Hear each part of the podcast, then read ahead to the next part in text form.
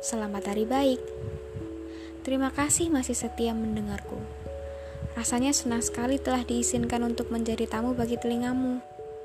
Semoga bincangku jadi pengisi harimu.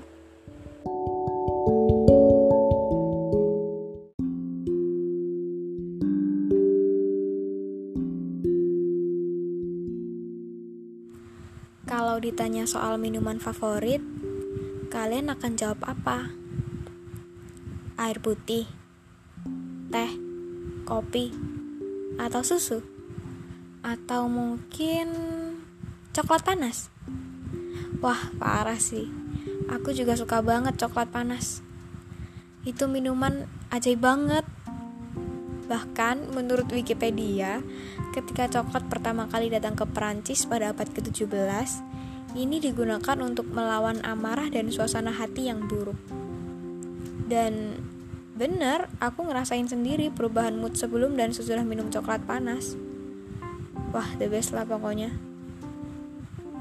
Eh, tapi pernah waktu itu di salah satu hari yang aku masih ingat persis tanggal dan bulannya, untuk pertama kalinya coklat panasku tidak merubah apa pun. Setelah habis secangkir coklat panas, suasana hati tetap sama. Ingin marah, ingin menangis, tapi nggak bisa apa-apa. Nggak bisa cerita juga ke siapa pun. Nggak berani. Takut. Malu Keadaan sangat itu jadi sangat kacau. Hati dan pikiran bertengkar hebat. Bingung mau ambil keputusan yang mana. Di satu sisi, secara logika, mungkin Tuhan sedang mengadakan ujian kesabaran buat aku. Tapi di sisi lain, hati berteriak minta diselamatkan. Dia nggak kuat Mau sampai kapan disiksa? Sedangkan mulut terbungkam rapat, tertahan alasan-alasan klasik dari pikiran yang saat itu memikirkan perasaan orang-orang lain.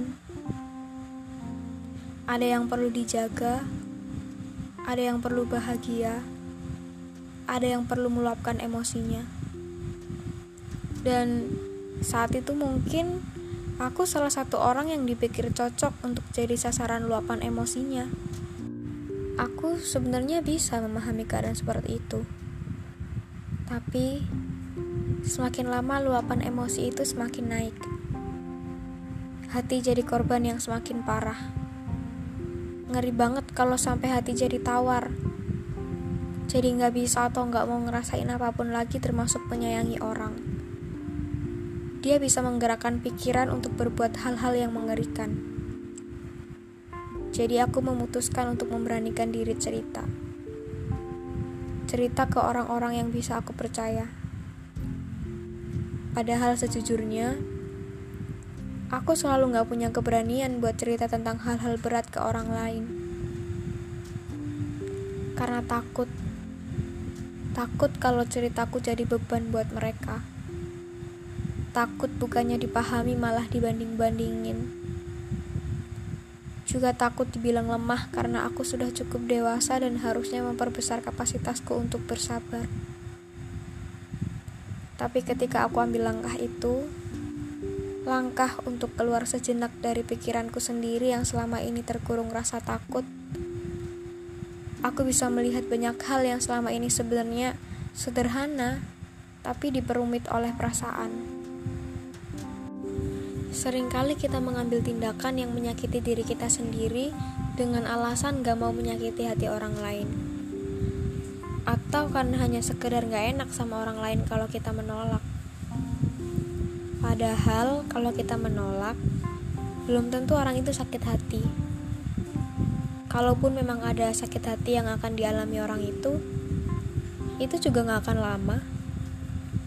Pasti akan segera sembuh atau malah kadang tolakan kita sebenarnya nggak begitu berarti buat orang itu tapi kita malah milih mengiyakan padahal sebenarnya hati kita nggak mau kadang cuma karena rasa nggak enak kita membuat diri kita terkurung di suatu suasana yang kita sendiri nggak nyaman Padahal kita tahu benar, di dunia ini masih ada kata tidak.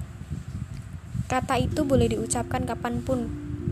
Kapan pun kita mau menolak hal yang perlu kita tolak. Intinya cuma itu sih. Dengan bilang tidak untuk beberapa hal, kita bisa menyelamatkan banyak hal, terutama hati kita. Penting banget, kalau kita nggak berani bilang tidak, selamanya kita akan menyiksa diri kita sendiri. Sampai pada suatu titik terlelah, kita jadi menyerah, jadi lemah. Hidup kita jadi dituntun oleh orang lain, padahal kita perlu juga yang namanya kebebasan. Udah ya, stop untuk punya rasa nggak enakan yang berlebihan. Ingat, dalam dirimu ada banyak yang perlu diselamatkan.